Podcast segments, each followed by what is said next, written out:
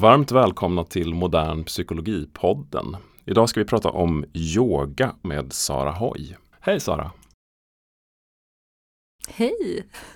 Du är yogalärare, du utbildar andra yogalärare. Du är också doktorand vid Gymnastik och idrottshögskolan och forskar kring yoga och rörelse.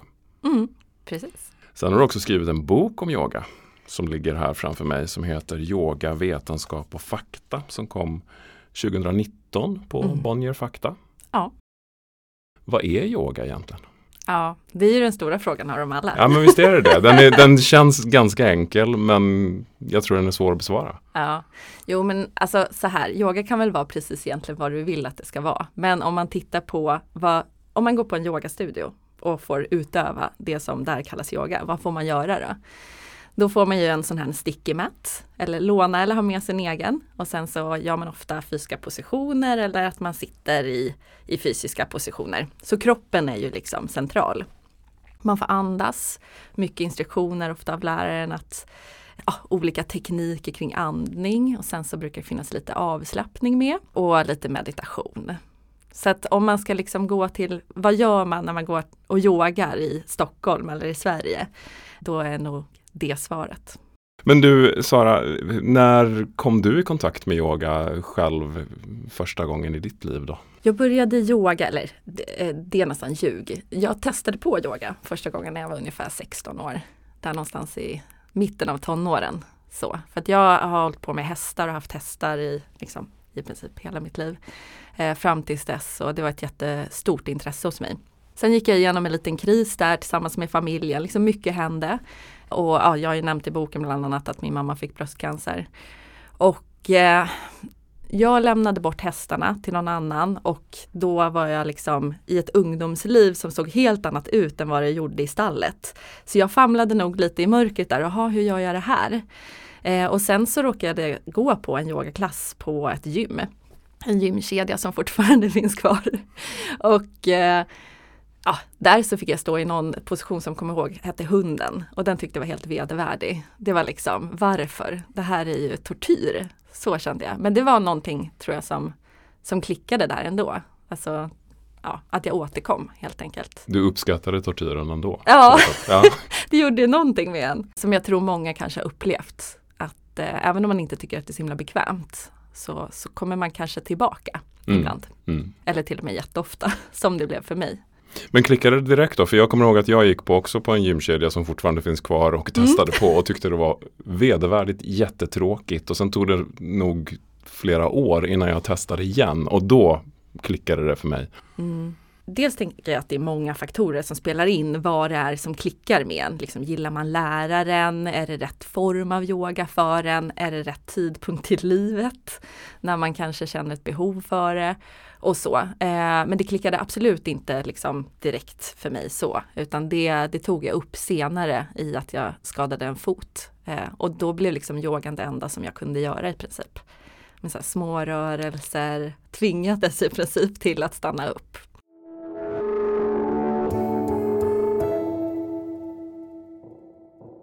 Och hur ofta yogar du nu för tiden? Åh, jag har tre små barn så att eh, jag försöker få till två gånger i veckan med min egen praktik. Ibland blir det liksom en och en halv. jag, jag försöker hålla på det. Mm. Men varför ska vi yoga då? Jag personligen känner ju ett, ett starkt behov, framförallt när jag varit ifrån yogan. Det är som att tempot i min kropp känns lika snabbt som liksom ja, men bilarna som åker förbi på gatan och det är som att kroppen börjar liksom matcha det här snabba tempot som jag upplever finns i samhället. Andningen blir snabbare och ja, och jag har ju som sagt yogat ganska mycket. Jag vet att det finns ett alternativ. Och då brukar jag verkligen gå tillbaka till yogamattan och liksom, eller det behöver inte vara yogamattan, jag kan vara egentligen var som helst, men använda yogatekniker och liksom stanna upp och bli medveten om det här inre tempot som jag upplever kanske lite för snabbt. Eller det är liksom obehagligt. Jag upplever det som obehagligt. Mm och då, då har jag yogan där som verkligen kan hjälpa mig att komma ner i tempo i kroppen. Jag har också intrycket av att det har hänt ganska mycket inom forskning. Att mm. forskningen har börjat intressera sig mycket mer för yoga än för bara 30 år sedan. Det stämmer absolut. Jag brukar alltid, när jag går och pratar om yoga, som jag så lyckligtvis får göra några gånger, jag brukar alltid slå på internet, antingen Google Scholar eller på PubMed som är en stor medicinsk vetenskaplig databas. Och så gjorde jag det nu innan jag kom hit. Och nu ligger, om man söker på ordet yoga, så ligger träffarna på ungefär närmare liksom 7-8 tusen. Och 2015, de siffrorna som jag till exempel har i boken, det var hälften. Och det är vetenskapligt publicerade artiklar ja, som också är granskade, peer-reviewed? Eller? Inte allt inte alla, peer-reviewed men det finns en vetenskaplig koppling, mm. helt klart. Mm. Och det är ju att bara sedan 2015 så har det dubblerats publikationer. Det säger ju någonting. Verkligen, ja, verkligen. Det finns ett jätteintresse och det som är så himla kul sen jag skrev boken också att det har kommit ut så himla mycket mer forskning för en stor kritik länge har ju varit att kan, forskning kanske inte är så himla snyggt gjord om man säger så, väldesignad och liksom så att det finns kvalitet i det. Men mm. nu finns det det och eh, det börjar komma jättemycket roliga grejer. Finns det, så här, om du tittar, nu är det 8000 så det är svårt att sammanfatta väldigt kort. Men finns det några huvudlinjer i forskningen? Alltså finns det något som man intresserar sig extra mycket för år 2022? Ja, Absolut. Vad är det då? jag tänker att jag tar det kopplat till hälsa, för det mm. är liksom, jag är folkhälsovetare och ja. idrottsvetare. Och där finns det ju eh, från förra året en publicerad som gjort en sån här bibliomet, hjälp mig med ordet nu, bibliometrisk, hur det, man sammanställer i alla fall massa olika litteratur under en viss tidsperiod. Det kanske heter bibliometrisk, jag vet faktiskt inte. ah, gud, ah, ja. Det är bebishjärnan som talar här.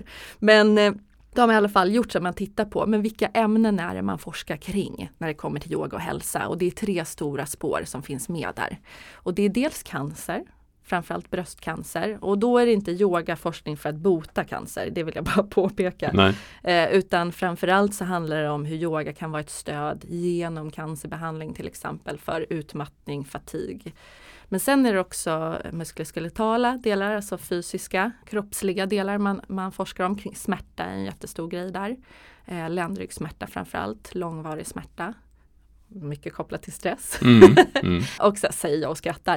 Eh, men eh, ja, det är ju en, liksom en stark koppling däremellan. Och sen så är det mental hälsa. Och då är det framförallt depression, ångest, eh, men också kognitiva förmågor som jag själv och de jag har jobbat med har skrivit lite om och forskat lite kring. Så det är de två, eller tre stora liksom, huvudströmningarna som forskas väldigt mycket kring och har forskats mycket kring. Du sa att en del äldre studier inte var så snyggt utformade. men, men finns det någon svårighet? Liksom, eller ja, det gör det ju såklart, det finns svårigheter att forska i allt möjligt. Men vad är det specifikt med just yogaforskningen som erbjuder svårigheter för forskare eller för objektiva rapporter, objektiva undersökningar? Ja, du. Det, det, är ganska många faktorer, men jag skulle säga en viktig faktor är att få faktiskt finansiering till forskningsprojekt. För att yoga anses ju fortfarande ganska ja, men som, alltså alternativt. Eh, så. Och man kanske inte riktigt har utrönat vad, varför ska man liksom forska på yoga? Men intresset är ju jättestort. Och det kommer, folk verkar hitta vägar ändå och det, man börjar få mer och mer eh, pengar till den typen av forskning. Och jag tror att det där kommer att, det håller på verkligen att förändras. Men det är en stor grej och det är svårt att få pengar till forskning överhuvudtaget, mm. liksom, oavsett forskning. Men sen så tror jag också att i yogaforskning så finns det eldsjälar som jag bland annat. Där man drivs av liksom ett egenintresse och det är också i många olika forskningsfält som det, liksom man brinner för sitt ämne. Eh, men det gör det ju också sårbart, liksom, när andra då ska komma in och, och eh, vara med i forskningsprojekten. Så plus att man blir väldigt involverad i sin egen forskning. Jag satt tänkt på det på bussen hit. Så, åh gud, jag skulle vilja klur, liksom, designa en studie kring eh, det här specifika ämnet och så, aha, okej, hur ska jag, jag kan ju inte vara yogalärare själv för det blir liksom, jag blir för insyltad mm. i själva forskningsprojektet för att sen då kunna faktiskt utvärdera det och analysera det. Men så det är några stora liksom, komplexa delar. Så det är svårt att byta mellan eh, yogahatten och forskarhatten? Ja, Alltså det, man är ju en, en hel människa. Mm. Så det, mm. oavsett så är nog det svårt. Men jag tänker också på, är det inte många av de äldre studierna eller kanske fortfarande en del studier där det bygger väldigt mycket på självskattning, att man får berätta hur det känns och så, medan det är svårt att kanske få konkreta, liksom, hårdkokta fakta sådär med mätinstrument eller? Ja, hårda fakta. Jag håller på, jag ska säga, jag håller både på med, med liksom mätgrejer och eh, enkäter och självrapporterat så som du säger. Och, sen så håller vi på med accelerometerdata som är liksom en liten grej som mäter då rörelse. Men där eh, så frågan är vad är objektivt liksom i det här. Sen håller jag också på med intervjuer och så. Jag tycker det är spännande, det är när man kombinerar det här. Det tycker jag är extra spännande. Så, och det finns liksom styrkor och svagheter med alla olika typer av designer. Jag tror att så här, vilken forskningsfråga man har, nu, blir jag, nu har jag forskningshatten på det, mm, hör du? det, det blir en forskningsfråga som, som styr. Mm. Och det som har hänt i yogavärlden, det är ju att alltså, yoga har ju varit, gått med i den här med, liksom, stora samhällsmedikaliseringen. Så det har ju hänt inom fysisk aktivitet också, att man ser fysisk aktivitet som medicin bland annat. I Sverige är vi ju ganska revolutionerande och liksom har det på recept till och med. Så, så att, och där, där finns ju yogan med också. Så det är en stor, eh, stor del av forskningen som liksom uppehåller sig kring just hälsofrågor och yoga som behandling eller yoga som hälsopromotivt. Så.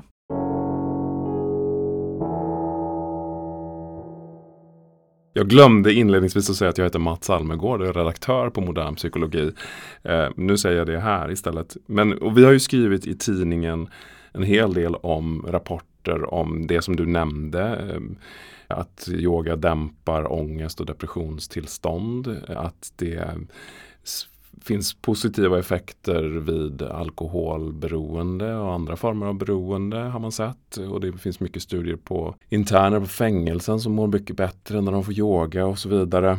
Vad är det med yogan som ger denna positiva effekt på de här tillstånden? Alltså så här, mm. Kan man inte lyfta skrot eller eh, jogga runt eh, parken eller Just något. Det. Vad är unikt med yoga? Ja men precis. Mm. För, för, att vi vet ju också att fysisk träning som du säger det skrivs ut på recept. Det, vi mår mycket bättre. Vi pratar om att vi ska gå vad är det, 12 000 steg per dag mm. eller 10 000 kanske. Eh, men, men det verkar finnas något specifikt med yogan som skiljer sig från de andra fysiska träningsformerna.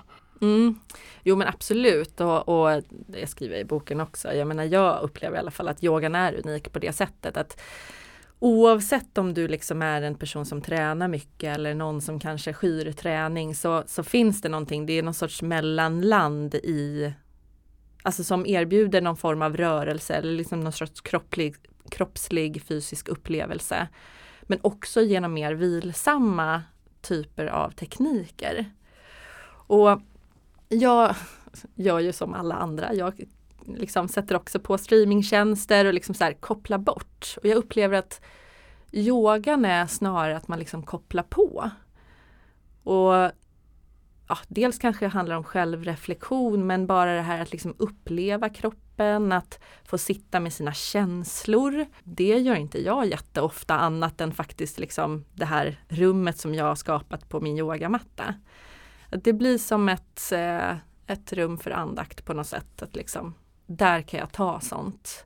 Ehm, och tankar, att liksom, ha, vilka tankar är det som kommer? Vilka är det som snurrar liksom? Eh, vad händer inom mig just nu? Eh, så att jag tror att yoga genom alla de här olika teknikerna erbjuder saker för, för det. Så det är kombinationen av att man faktiskt står i olika positioner eller rör sig på olika sätt. Men också har någon slags eh, fokus på andning och det som vi kallar för mindfulness. Att man ska vara närvarande i rummet. Är det mm. det som gör yogan specifik tror du? Ja absolut, man kan se några av de största teorierna varför yoga funkar har ju med nervsystemet att göra bland annat. Där man tänker att dels den fysiska rörelsen stärker hur vi relaterar till liksom vår stressrespons helt enkelt. Och de, alltså noradrenalin, adrenalin, kortisol och, och de fysiologiska processerna som, som sker i oss när vi liksom är under stress. Men det finns ju positiv och negativ stress. Alltså, allt är inte dåligt. Det är jättebra att, att, ha viss stress och fysisk träning är ju, och rörelse är ju en viss typ av stress på kroppen som mångt och mycket ofta gör den starkare, det vill säga vi ökar vår kapacitet och vår fitness så att säga. Men sen så tränar ju yogan oss också på att lugna ner. den andra delen liksom av nervsystemet. Det är eh, viljestyrda och icke viljestyrda. Så här, den icke viljestyrda delen i nervsystemet. Så vi, jag, jag upplever att vi behöver det där rummet någonstans, det här mellanrummet där vi där vi kan liksom reflektera över oss själva, våra närvaro och våra känslor, alltså allt vad det innebär att vara människa. Eh, som inte riktigt finns naturligt i alla fall på så, så mitt liv i alla fall. Nej. Du nämnde känslor. Jag kommer ihåg att jag eh, när jag sen testade yoga igen efter några år så eh, blev jag förvånad för att jag började gråta efter mitt första yogapass. Och nu i helgen pratade jag med en vän som går igenom en skilsmässa och hon hade inte yogat på jättelänge för hon hade inte haft tid. Det är alltid då man ska göra det för att man, när man inte har tid så behöver man det som bäst. Ja. Men, och hon hade yogat nu bara ett kort pass och sen hade hon suttit och gråtit på sin matta jättelänge. Mm. Möter du ofta den typen av um, reaktioner? Ja, alltså genom åren som jag verkar som yogalärare och själv också som, som yogis och mm. liksom praktiserande så dels har jag själv suttit där men men det är en ganska vanlig upplevelse skulle jag säga, även i yogarummet eller yogasalen. Men det är lite spännande det där också, för det kan ju vara att någonstans har man i bakhuvudet att yogarummet kan vara tillåtande på ett annat sätt än kanske eh, ett högintensivt träningspass. Det kanske inte, där, där gråter man av andra orsaker. Ja, visst, jag orkar inte den här backen.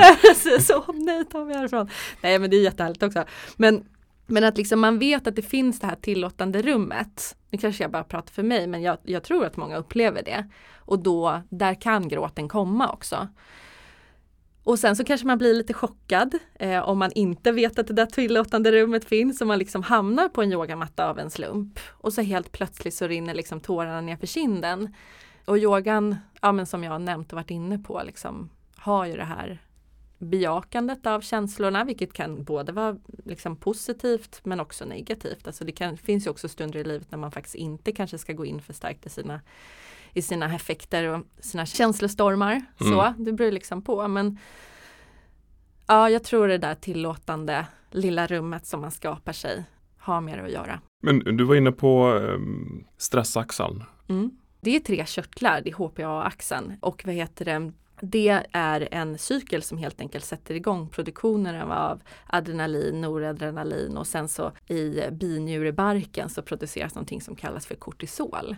Och kortisol är ju liksom en spännande signalsubstans som som är superbra till exempel i akuta situationer, till exempel svält. Då kan kortisol hjälpa till med att bryta ner liksom vävnader i kroppen så att vi får energi helt enkelt, trots att vi inte får mat. Det är liksom toppen, det är en mm. jättebra mm. funktion. Mm. Men eh, har man det här påslaget och vi har mat och liksom, vi är inte en svältsituation så kan det definitivt ha den här nedbrytande funktionen fortfarande om man har ett högt påslag. Och kortisol har liksom en dygnsrytm och det här är någonting som man vanligtvis tittar på, eller inte i alla yogastudier, men i många yogastudier inom forskningen så tar man prover till exempel på kortisol. Det kan man göra både genom blodet men också saliv, genom saliven. Så då om du är försöksperson eh, och får komma på en yogastudie då får du vad heter det, ha en sån bomullstuss i munnen och så får du liksom gurgla runt den ett tag och spotta ut i ett litet rör. Och så tar man det tre eller fem gånger på en dag. Och så kan man titta över en tid då, hur det här påverkas av yoga. Och den här dygnsrytmen, om man, den ska liksom vara hög på morgonen. Tänk att du ska ta dig ur sängen och liksom, vi ska ju komma igång. Men sen så vill man ju att den där ska komma ner och tillsammans med massa andra signalsubstanser och liksom saker som händer i kroppen komma ner i varv inför sömnen. Men har man den här liksom höga som ligger och tuggar där så kan det vara svårt att komma ner. Jag menar sömnproblematik är ju jättevanligt och någonting också som där man tittar på i forskningen som yoga verkar fungera på olika sätt mm. för. Men, men kortisol är ju superspännande utifrån liksom den aspekten och också en, en stor liksom tankemodell inom yoga och forskningen. Eh, varför yoga då skulle fungera för olika typer av stress, sömn, alltså det är många saker som jag nämnde, ländryggsmärta är ju otroligt liksom starkt kopplat till, till stress sömnsvårigheter men även ångest, liksom depression. Ja men det är ju liksom mycket som hänger ihop.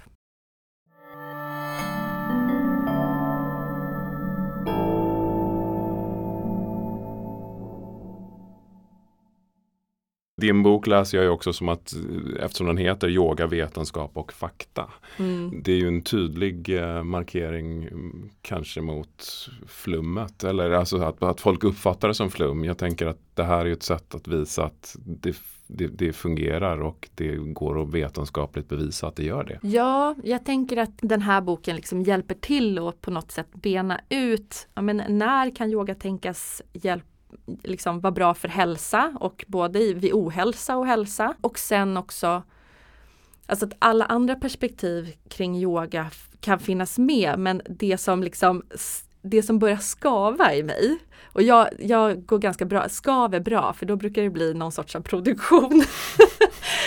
skav är bra. Um, det som skavde var den här ganska pseudovetenskapliga och liksom sättet man använde vetenskap på i de yogarummen jag befann mig. Att liksom man sa väldigt mycket kring yoga och, och forskning och, och liksom vad man tänker är vetenskapligt men jag blev lite skeptisk. Så, så jag, jag, tänker att det här, boken är liksom en bra eh, hjälp på vägen. Att så här, ja men okej, om vi tittar verkligen då, då från det här perspektivet. Och jag menar inom vetenskapen och forskning finns det ju också massa andra pers många perspektiv, liksom rent vetenskapsteoretiska och filosofiska. Eh, och den här är ju ganska liksom, den kommer från hälsovetenskaperna och ändå ganska medicinskt perspektiv ändå.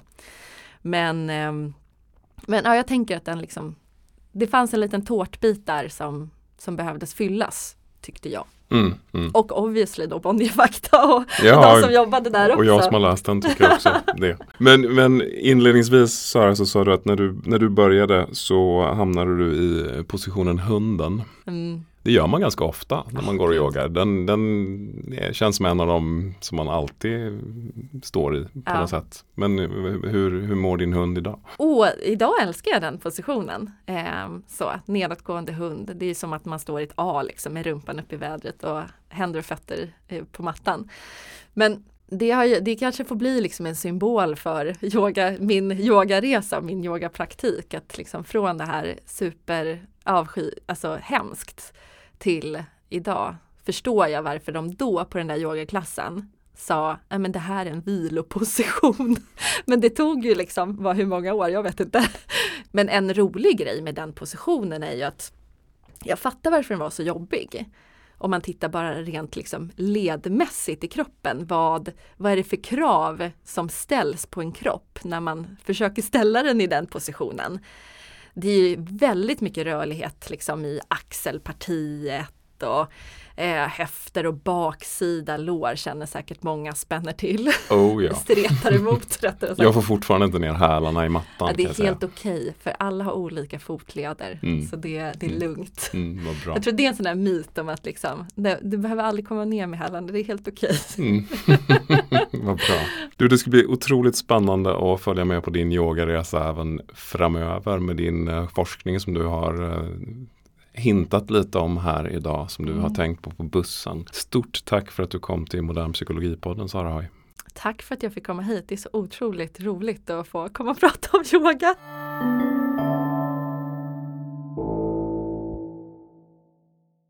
Det här poddavsnittet presenterades i samarbete med Natur och kultur. Vi är en oberoende stiftelse som förutom att inspirera till läsande och lärande också stärker röster i det demokratiska samtalet genom priser, stipendier och stöd. Så varje gång du väljer natur och kultur är du del av något större